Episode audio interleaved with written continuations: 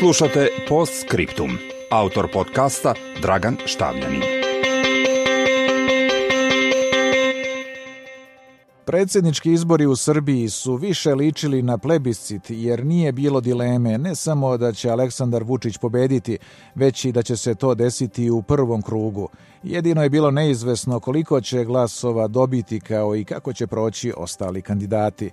Tako ubedljiva pobjeda Vučića u prvom krugu je svakako dobra za vladajuću partiju, ali ne i za demokratiju u Srbiji, imajući u vidu manihejsku podelu na naše i njihove, odnosno neprijatelje, koja dominira srpskom političkom scenom od dolaska naprednjaka na vlast 2012. što podsjeća na retoriku iz Miloševićevog vremena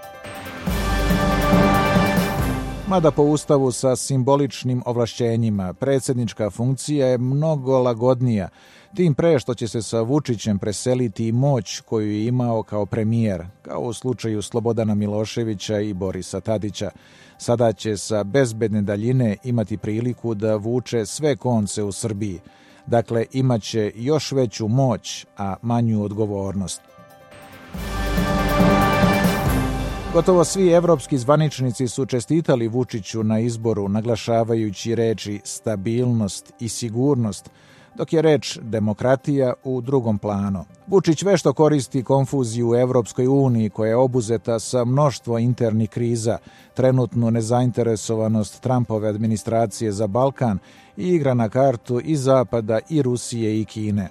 Naime, u Srbiji postoji obsesija još od Titovih vremena da se balansira između istoka i zapada, kao način da se očuva njena samosvojnost i specifičnost.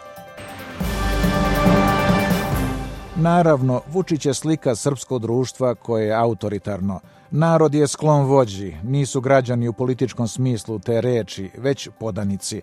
Rat i tranzicija su ostavili pogubne posljedice nestajanjem i deformisanjem segmenata društva, koji bi trebalo da čine njegovu osnovu.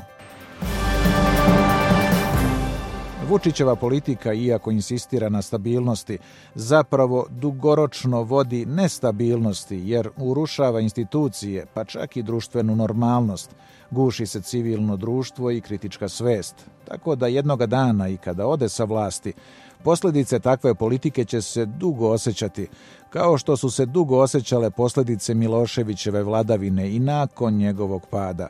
To naravno nije izgovor za katastrofalne poteze njegovih naslednika u liku raznih članica DOS-a, bez čijih zloupotreba, korupcije i mnoštva grešaka, na kraju krajeva, Vučić ne bi ni imao priliku da dođe na vlast 2012. godine.